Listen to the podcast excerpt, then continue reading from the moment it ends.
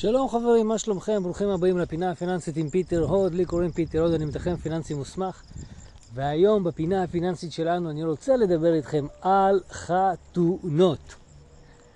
אני יודע שחלקכם שמאזין לי כבר נשוי, אבל יש חלק גדול מכם שעוד לא התחתן או חושב להתחתן בקרוב. אז בואו נדבר קצת על חתונות ו... נתמקד יותר בפן הפיננסי של חתונה. כי אני חושב שגם לחתונה אנחנו צריכים להתייחס בצורה די קרירה ושרירותית וכל מה שקשור לכסף. נכון שזו חוויה עבור חלק מהאנשים של פעם בחיים, עבור חלק האחר של האנשים אה, כמה פעמים בחיים. ואני חושב שחשוב ודי, ואפילו נכון להסתכל על זה כאירוע כלכלי לכל דבר ועניין וצריך לחשב אותו וכמובן, כמובן, כמובן לא לצאת בנזק. אני זוכר את החתונה שלי הייתה ב-2015, לפני 15 שנים אה, בדיוק. בדיוק, אני, למה, למה אני אומר בדיוק? כי ב-20 באוגוסט התחתנתי. 20 באוגוסט 2015 הייתה החתונה שלי. וכשאני עשיתי חישובים לקראת החתונה, כמה היא תעלה לי וכמה אני... אה, עם מה אני יוצא מזה, זה גרם לי לעשות הרבה מאוד חישובים. כל החשיבה הזאת של עם מה אני יוצא בסוף, האם אני יוצא בנזק, האם אני יוצא ברווח. כמובן שכולנו רוצים להרוויח ואנחנו צריכים להתפשר, ויש פה הרבה מאוד שאלות והרבה מאוד שיקולים שצריך לקחת בחשבון כדי להתחיל את החיים ברגל ימין. למה אני אומר להתחיל את החיים ברגל ימין? כי אני מאמין שחלקכם או רובכם לא רוצים להתחיל את היום הראשון אחרי החתונה שלכם במינוס 70 או במינוס 50 אלף שקל שאתם חייבים לאולם, לדי-ג'יי, אה, לצלמים וכו' וכו' וכו'. אז uh, כדי להגיע למסקנות, או בכלל כדי לחשוב על העניין של החתונה, העניין הזה של החתונה, אני רוצה לתת לכם כמה טיפים כלליים, אני מאמין, מקווה שזה יעזור לכם, או לחברים שלכם, או לילדים שלכם, אתם יודעים, בסוף אה, גם לזה אנחנו נגיע. אז לפני שאנחנו נתחיל, אני רוצה להזמין אתכם לקבוצה שלי בפייסבוק שנקראת הפינה הפיננסית, ששם תוכלו לשאול שאלות, להעלות רעיונות, או לפתוח דיונים ולהתייעץ עם אנשים אחרים. וגם אם יש לכם שאלות אישיות או שאלות כלליות, אתם מוזמנים ליצור איתי קשר באופן ישיר, בטלפון 052-646-7605. אני זמין עבורכם בכל פלטפורמה אפשרית, בפייסבוק, באינסטגרם, בלינקדין, בוואטסאפ, בטלפון, מה שנוח לכם, תרגישו חופשי, ותצטרפו לקבוצת הפייסבוק ותשתפו את הפודקאסט הזה, כי אני מאמין שהוא יכול לעזור להרבה מאוד אנשים. כי אני את החישובים שלי עשיתי ממש ממש ממש אה, מדויקים. ואני יכול אה, להגיד לכם שאני גאה לומר שאני לא יצאתי בנזק מהחתונה, אפילו הרווחתי כמה שקלים, שכל הרווח הזה הלך לחיסכון. כמובן אה, שהחיסכון הזה יכול לשמש אותי ואת אשתי או את הילדים שלי בעתיד לכל מטרה. ואני רוצה שגם לכם יהיה כסף, כי אם כבר עושים אירוע, בואו נעשה אותו כמו שצריך ולא נצא לנזק, כי אני מזכיר לכם, אני מזכיר לכם שאתם חייבים להתנהל כמו ביזנס. יש לכם הוצאות ויש לכם הכנסות, ובסופו של דבר אנחנו חייבים לצאת עם שורת רווח בכל מה שאנחנו עושים, אחרת למה אנחנו עושים את זה. אז בואו נתחיל לדבר על חתונה. בדרך כלל כשאנחנו מחליטים אה, להתחתן, אז אנחנו כמובן מנסים לעשות איזשהו ערב רומנטי וכו' וכו' וכו', לדעתי זה שטויות, כן, אבל יש כאלה שאוהבים את זה ו... כמובן אה, תעשו את זה חופשי כמה שאתם רוצים, אבל גם החלק הזה של ההצעה על החתונה, להתחתן, צריכה לקחת, להילקח בחשבון בכל ההוצאות של החתונה. כן, אם אתם עכשיו עושים הצעה בחו"ל, חברים, זו הוצאה שהוצאתם לצורך החתונה. כל שקל שיוצא, וזה הכלל הראשון שאתם חייבים לדעת אותו ולהפנים אותו, כל שקל שיצא לכם מהכיס והוא מיועד למטרות החתונה שלכם, או שהוא אמור להביא אתכם לחתונה, זה הוצאות חתונה. עכשיו, יש כאלה שיתחכמו איתי ויגידו, רגע, אבל זה שיצאתי עם לדייטים זה גם לחתונה? לא, זה לא הוצאת חתונה. הצעת חתונה זה ברגע שהחלטתם להציע, לעשות את ההצעה הזאת של בואי תתחתני איתי או בוא תתחתן איתי, מבחינתנו זה נרשם כהוצאה, אם לקחתם למסעדה, אם קניתם טבעת, אם קניתם כל מה שהוצאתם לצורך הדבר הזה, מתחיל להיחשב כהוצאות חתונה. זה מאוד מאוד חשוב, כי הרבה מאוד אנשים לא מחשיבים את זה כהוצאה. גם יש כאלה שלא מחשיבים אפילו את השמלה שהם קנו, או את החליפה שהם קנו כהוצאה לצורך חתונה. ופה אני אומר לכם, תתחילו לחשב את כל ההוצאות האלה כהוצאות שהוצאו למטרות חתונה. זה מאוד מאוד חשוב, כי אתם רוצים לדעת בדיוק כמה הוצאתם, אחרת, אתם יודעים, אתם, אתם תגיעו לשורת רווח, אבל היא לא תהיה באמת רווח. אנחנו רוצים לדעת בדיוק כמה הוצאנו ועם כמה נשארנו בסוף. אז הכלל הראשון הוא ברור. כל מה שיוצא נרשם. בשלב השני, כשאנחנו מדברים על חתונה, אנחנו בדרך כלל מדברים על uh, כמה אורחים אנחנו נזמין. הגישה שלי, כמה שיותר, יותר טוב.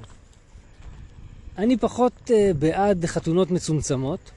אני פחות, פחות, פחות בעד חתונות כאלה. אני לא, לא אוהב חתונות קטנות. מה גם וזו החשיבה העסקית שלי, אין בזה רווח. איך אנחנו נקבל הכנסות כדי לכסות את כל ההוצאות שלנו, אם אנחנו נזמין קצת אנשים? עכשיו, הרבה מאוד אנשים לא יסכימו אותי עם הסעיף הזה, כי יגידו לי, חתונה זה משהו רומנטי, זה משהו אינטימי, זה לא, זה לא בשביל הכסף. ואני חושב שזה כן בשביל הכסף. כי כשאתם הלכתם לחתונה, מישהו כבר עשה את החישוב הזה ואתם שילמתם, וכשעשיתם את החישוב הזה כמה לשלם לחתונה, אתם לקחתם בחשבון באיזה אולם זה, באיזה עיר, כמה הקרבה חשובה לכם, כמה הבן אדם חשוב לכם, ואתם לקחתם בחשבון את כל הפרמטרים האלה לפני שכתבתם צ'ק או שמתם כסף במעטפה.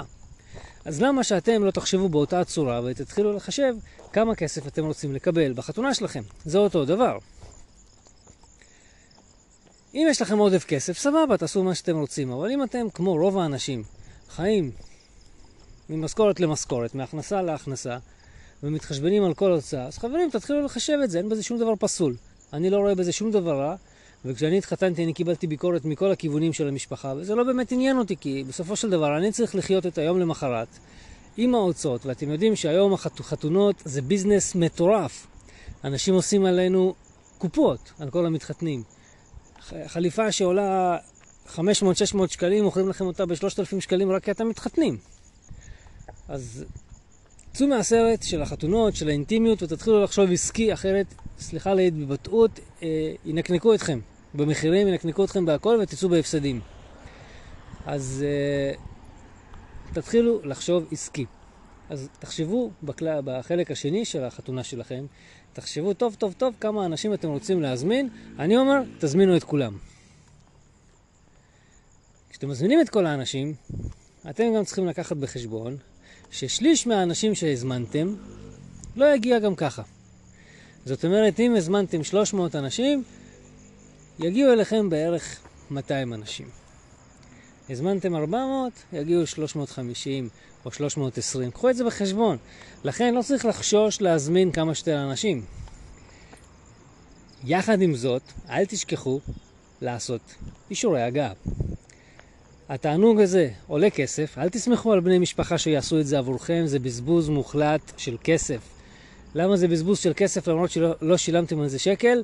כי רוב האנשים לא יגידו לכם, או להורים שלכם, או לחברים שלכם בפנים שהם לא יבואו. הם לא יגידו. אבל כשזו חברה חיצונית עושה את זה, לא אכפת להם להגיד להם, לא, אנחנו לא באים. אין סנטימנט רגשי כשזה מישהו חיצוני עושה את זה. לכן, אל תתקמצנו על כמה אלפי שקלים לחברה חיצונית שתעשה את זה עבורכם, אתם רק תרוויחו מזה.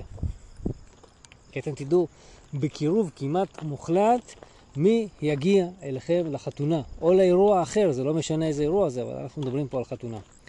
ודרך אגב, כשאני בחתונה שלי, אני גם לקחתי 10% מקדם ביטחון על האלה שהם אחרי אישורי הגעה. זאת אומרת, אני הזמנתי 500 אנשים, אישרו הגעה 350, מתוך זה הורדתי עוד 50 אנשים, אמרתי מקדם ביטחון. וכך היה באמת, הגיעו באזור ה-300 אנשים לחתונה שלי, ולא יצאתי בהפסד לחלוטין. הכלל השלישי, תעשו שופינג, תעברו בכמה שיותר אולמות. אני בטוח שחלקכם תעברו או עברתם שניים שלושה עולמות ובחרתם איפה לעשות את החתונה. אני לא יודע מה איתכם, אבל אני ואשתי עברנו 27 אולמות, וסגרנו עם האולם ה-26. לדעתי זה היה אולם 26. עכשיו, כשאתם, ככל שאתם עוברים את העולמות האלה, ואחד אחרי השני, אתם מתחילים לשים לב לאיזושהי תבנית. אתם שמים לב מה דוחפים לכם. אתם שמים לב איפה מחרטטים אתכם. אתם שמים לב שעל הקישוטים שעל השולחן, שרוצים לכם על העיצוב 5,000 שקל, זה, זה פרחים שעומדים אצלם כל הזמן uh, ב, בעליית גג כזה, והם מורידים את זה בשביל, בשבילכם בשתי דקות, ואין פה שום עיצוב ושום קישוט ושום כסף, וזה הכל חרטא. אתם מגלים הרבה מאוד דברים. אתם מגלים איזה מנות אתם יכולים להוציא, אתם יכולים לגלות המון המון המון דברים, וכמובן לחסוך כסף. אז תעשו שופינג חברים, אל תתקמצנו על הזמן שלכם. אני יודע שזמן זה קודש קודשים וזה הדבר היחידי אה, עם היוקר הכי גבוה שיש. שוב, הזמן זה הדבר הכי מוגבל שיש לנו, כל השאר יש בשפע. אז אל תתקמצנו על זה, תטיילו, תעשו את הביקורת, ביקורים בכל האולמות, פשוט תנחתו עליהם. בלי לתאם. לנחות, לשאול שאלות באמצע חתונות. אני יודע שעכשיו קורונה ואין אירועים, אבל בסוף זה ייגמר. הקורונה בסוף תיגמר ואנחנו נחזור לשגרה, אז uh, הטיפים האלה יהיו שווים לכם המון המון המון כסף. עכשיו, כמו שעושים שופינג לאולמות, ככה גם עושים שופינג לבגדים, לטבעות, להכל. לרכבים, אם אתם שוכרים רכב, אם אתם שוכרים מלון אחרי זה, תעשו לזה שופינג מקיף ביותר, תעשו בדיקה מקיפה ביותר של כל הדברים. כמה יעלה לכם אוטו, לכמה זמן אתם לוקחים אותו, איפה אתם יכולים לקנות את הטבעות במחיר הכי טוב. שוב, זה טבעות, זה זהב, יש לו מחיר. אתם יכולים לדעת את כל הדברים האלה. אתם הולכים לקנות שמלות. אצל נשים זה בעייתי, הולכת לקנות שמלת כלה. אבל אצל הגבר זה יותר פשוט, אתה הולך לקנות חליפה. אל תגיד שאתה מתחתן, תקנה חליפה פשוטה. או שאת אותה חליפה, היא פשוט תעלה לך יותר זול, כי אתה לא אומר להם שאתה מתחתן. אז תעשו את הדברים האלה, תבדקו אותם לעומק. אם תגידו שאתם מתחתנים, המחירים פשוט יעלו לכם סתם ככה. סתם כי אמרתם שאתם מתחתנים. הכלל הרביעי שלנו מתייחס לחישוב של כמה נקבל בחתונה, נכון? זו השאלה הכי מעניינת שיש. כמה נקבל? אז תחשבו אתם, כמה אתם נותנים לחתונה? 300, 400 שקלים? וכשאתם זוג אתם מביאים 500 שקלים או 600 שקלים. אז תעשו את החישוב הזה. אנחנו יודעים שיכולים להגיד כמעט בוודאות, חיילים נותנים את המינימום באזור ה-250-300. חברים קרובים נותנים 400-500. משפחה קרובה נותנת 600. משפחה מרובת ילדים נותנת פחות או יותר 100 שקלים לראש. אתם יכולים לעשות חישוב. לבד, יש אפילו היום אפליקציות שנותנות לכם חישוב של כמה לתת לחתונה. זה ממש אחד לאחד. אתם מזמינים 500 איש, מורידים איזה 30 אחוז, מורידים מהתוצאה הסופית אחרי אישורי ההגעה עוד איזה 10 אחוזים, ומכל, ואת כל זה אתם מכפילים בממוצע של 270 שקלים לראש. זה מה שתקבלו, ממוצע של 270 שקלים. כמובן שמהמשפחה הקרובה מאוד אנחנו נקבל יותר. מהמשפחה, מהחברים הקרובים מאוד אנחנו נקבל יותר מ-270. אבל אם אנחנו, יש לנו משפחה שהיא ברוכת ילדים, שזה דבר טוב ויפה, מגיעים אליכם פתאום משפחה שתופסת לכם שולחן של 12, אתם לא תקבלו 270 שקלים לראש. אתם תקבלו אולי 700-800 שקלים על כל ה-12 איש. אז אתם מבינים שהממוצע הזה של 270 שקלים לראש פשוט יתחלק על כולם. תעשו את החשבון. ואתם תגיעו לסך הכל כסף שאתם יכולים לקבל בחתונה. כמו שאמרתי, מהמשפחה נקבל יותר, לפעמים הרבה יותר, אז אה, אנחנו יכולים אפילו להגיע ל-300 ול-315 שקל או ל-350 שקלים ממוצע לראש, אבל את זה אנחנו נדע רק אחרי שנספור את המעטפות. אז תעשו את החשבון הזה ואתם תגיעו לתוצאה. שוב, זה הכל שערוכים שאתם יכולים לעשות כבר עכשיו כדי להגיע לאיזשהו תחשיב של כמה כסף אתם יכולים לקבל.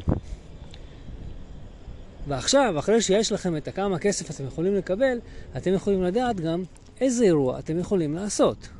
האם זה יהיה אירוע יוקרתי, או שזה יהיה אירוע צנוע. עכשיו, כשאני אומר אירוע צנוע, זה לא אומר שלא יהיה לכם כלום באירוע. אני באירוע שלי, היה לי הכל. היה לי ממש הכל. היה לי שני, אה, שמונה או 12 סרטים על השולחן, היה לי מנה עיקרית, פלטת בשרים מטורפת, וכל האירוע שלי יצאתי עוד ברווח. כל, כל החתונה שלי עלתה 70 אלף שקל, טוטל. כולל שמלות, כולל הכל, והאירוע היה מלא מכל טוב, 300 אנשים, והיה שמח והיה חגיגה, ואני חושב שעד היום אנשים זוכרים איך, איזה אירוע פצצה היה לי, וכל זה כי בסך הכל עשיתי סקר שוק, מצאתי מה אני צריך, קיבלתי את מה שאני צריך, את מה שביקשתי, לפי התקציבים שהגדרתי לעצמי מראש. נכון, לא היה לי גימיקים בחתונה, לא היה לי הרבה דברים שאני רואה היום בחתונות, כל מיני שוטים שמטיילים, כל מיני בודקה כאלה של צילומים, אבל היה לי אירוע כיפי. כולם נהנו, אלכוהול לא היה חסר, שתייה לא היה חסר, אוכל לא היה חסר, מוזיקה הייתה פצצתית, והכל היה אש. אפילו שכרתי מלון אחרי זה, ואוטו, שנחשב אוטו יוקרתי. לא, לא זוכר את המודל, איזה, איזה אוטו זה. אה, זה היה אינפיניטי, ג'יפ של אינפיניטי. בסך הכל יצאתי ב-70 אלף שקל ויצאתי עם רווח.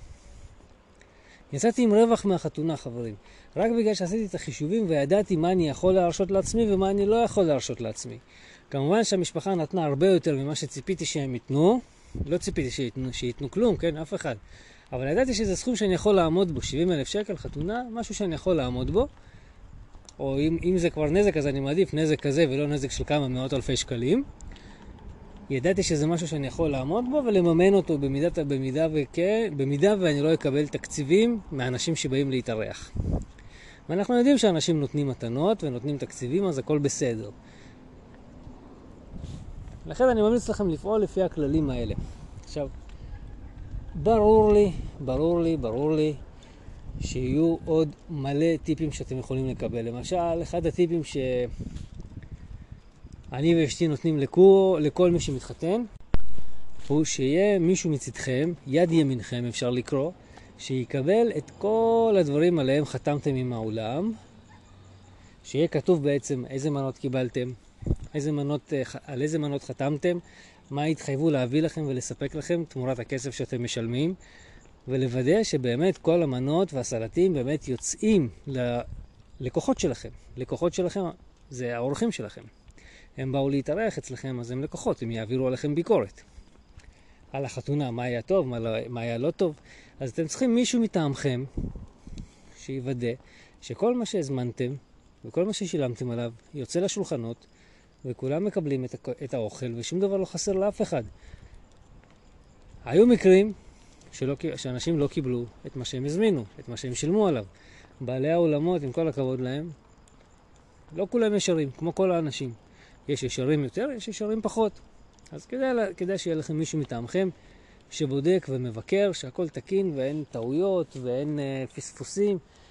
כי בסוף זה המשפחה שלכם והחברים שלכם, אז אתם רוצים שכולם יהיו מרוצים. אלה, אלה בגדול ארבעת הכללים החשובים ביותר בתכנון חתונה לדעתי. אני יודע שזה אירוע מרגש, גם עבורי זה היה מרגש.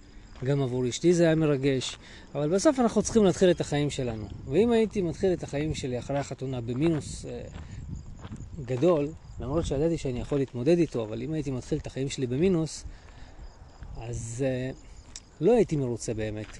תחשבו על זה. לחיות במינוס זה לא כיף. להיות עם חובות זה ממש לא כיף.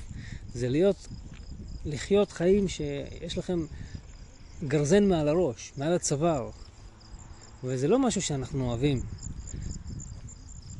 גם זה לא משהו שאני ממליץ. אז אם יש לכם אפשרות לתכנן את החתונה שלכם מבחינה פיננסית, ולעבור על כל הסעיפים האלה ולהתייחס לזה ברצינות, ולרשום באמת כמה יעלה לכם הצלם, כמה, עלה, כמה עלתה השמלה, הנעליים, המתנות, הטבעות, האולם, הטיפים, תרשמו את כל הדברים האלה. החליפה שלכם, האלבום תמונות המשודרג, כמה צלמים היו לכם, כל הדברים האלה מאוד מאוד חשובים חברים, וככל שתהיו יותר מפורטים לגבי מה אתם רוצים וכמה זה יעלה לכם, אתם תגלו שחתונה זה לא כזה דבר מסובך. חתונה זה לא דבר כזה יקר כמו שכולם מציגים. שוב, אמרתי לכם, החתונה שלי יצאה 70 אלף ש"ח, ואנשים היו מרוצים ויצאו שבעים ושמחים, והיה לי את כל סוגי הבשרים, את כל סוגי הסלטים, והיו לי איזה שלושה צלמים ומצלמת רחב, והיה צלם מגנטי. היה לי הכל בחתונה. הכל. כל מה שאני צריך בחתונה. נכון, גימיקים לא היה לי, אבל גם לא רצינו. וגם זה עלה ים בכסף על, על מה? בשביל שאנשים ידפקו כמה תמונות? שוב, זו בחירה שלנו. שלי ושל אשתי. ול... בדיעבד, כשאני מסתכל על זה, אני חושב שהבחירה הזאת של לנהל ככה את החתונה הייתה בחירה מאוד מאוד נכונה. למרות שקיבלנו לחץ אטומי מהמשפחה להתייחס לחתונה כמשהו שהוא חד פעמי, כמשהו שפעם בחיים, אבל אם הייתי מתייחס לזה, הייתי עושה חתונה בומבסטית. לא הייתי עושה אישורי הגעה כמו שאמרו לי לא לעשות אישורי הגעה, כי אפשר שאימא או סבתא תעשה את זה, או אחות תעשה את זה. והייתי מפספס, כי הזמנתי 500 אנשים, והרבה מאוד אנשים שאמרו שיגיעו, הם לא בסוף לא הגיעו, הם בסוף דיווחו שהם לא מגיעים. אתם מבינים את זה? אתם מבינים את המשמעויות הכלכליות של המהלך הזה? לכן, תתחתנו. קודם כל תבחרו בת זוג, או בן זוג, בחוכמה. זה מאוד חשוב. אחרי זה, תתחתנו בחוכמה.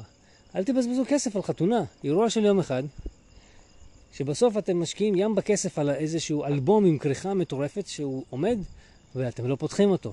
אני אומר לכם חמש שנים, פתחתי את האלבום של החתונה במקרה כי הבת הקטנה שלי הוציאה את זה והסתכלה על התמונות. זהו. אף אחד לא מסתכל על זה, זה לא מעניין אף אחד. אתם חיים את החיים, השוטף שוטף אתכם, הילדים מציקים לכם, החובות, העבודה, קורונה וכו'. אז עזבו אתכם שטויות. תשקיעו במה שחשוב, תשקיעו בעצמכם, תשקיעו בבני זוג, בבנות זוג, ותחיו את החיים שלכם בכיף, בלי חובות. זה מה שחשוב. תודה רבה לכם על ההאזנה. אני מזמין אתכם שוב להצטרף לקבוצה שלי בפייסבוק, הפינה הפיננסית. סתם תגידו לי איך אתם התחתנתם, איזה חישובים עשיתם, האם עשיתם, האם אתם מסכימים איתי בכלל. אני אשמח לשמוע את הדעות שלכם בנושא הזה. ויאללה, שיהיה לכם שנה טובה, גמר... וחתימה טובה, לא גמר חתימה טובה. חתימה טובה, חברים. אנחנו לפני כיפור, אז אם אה, נפגעתם ממה שאמרתי, או פגעתי בכם בצורה כלשהי, אני מבקש סליחה.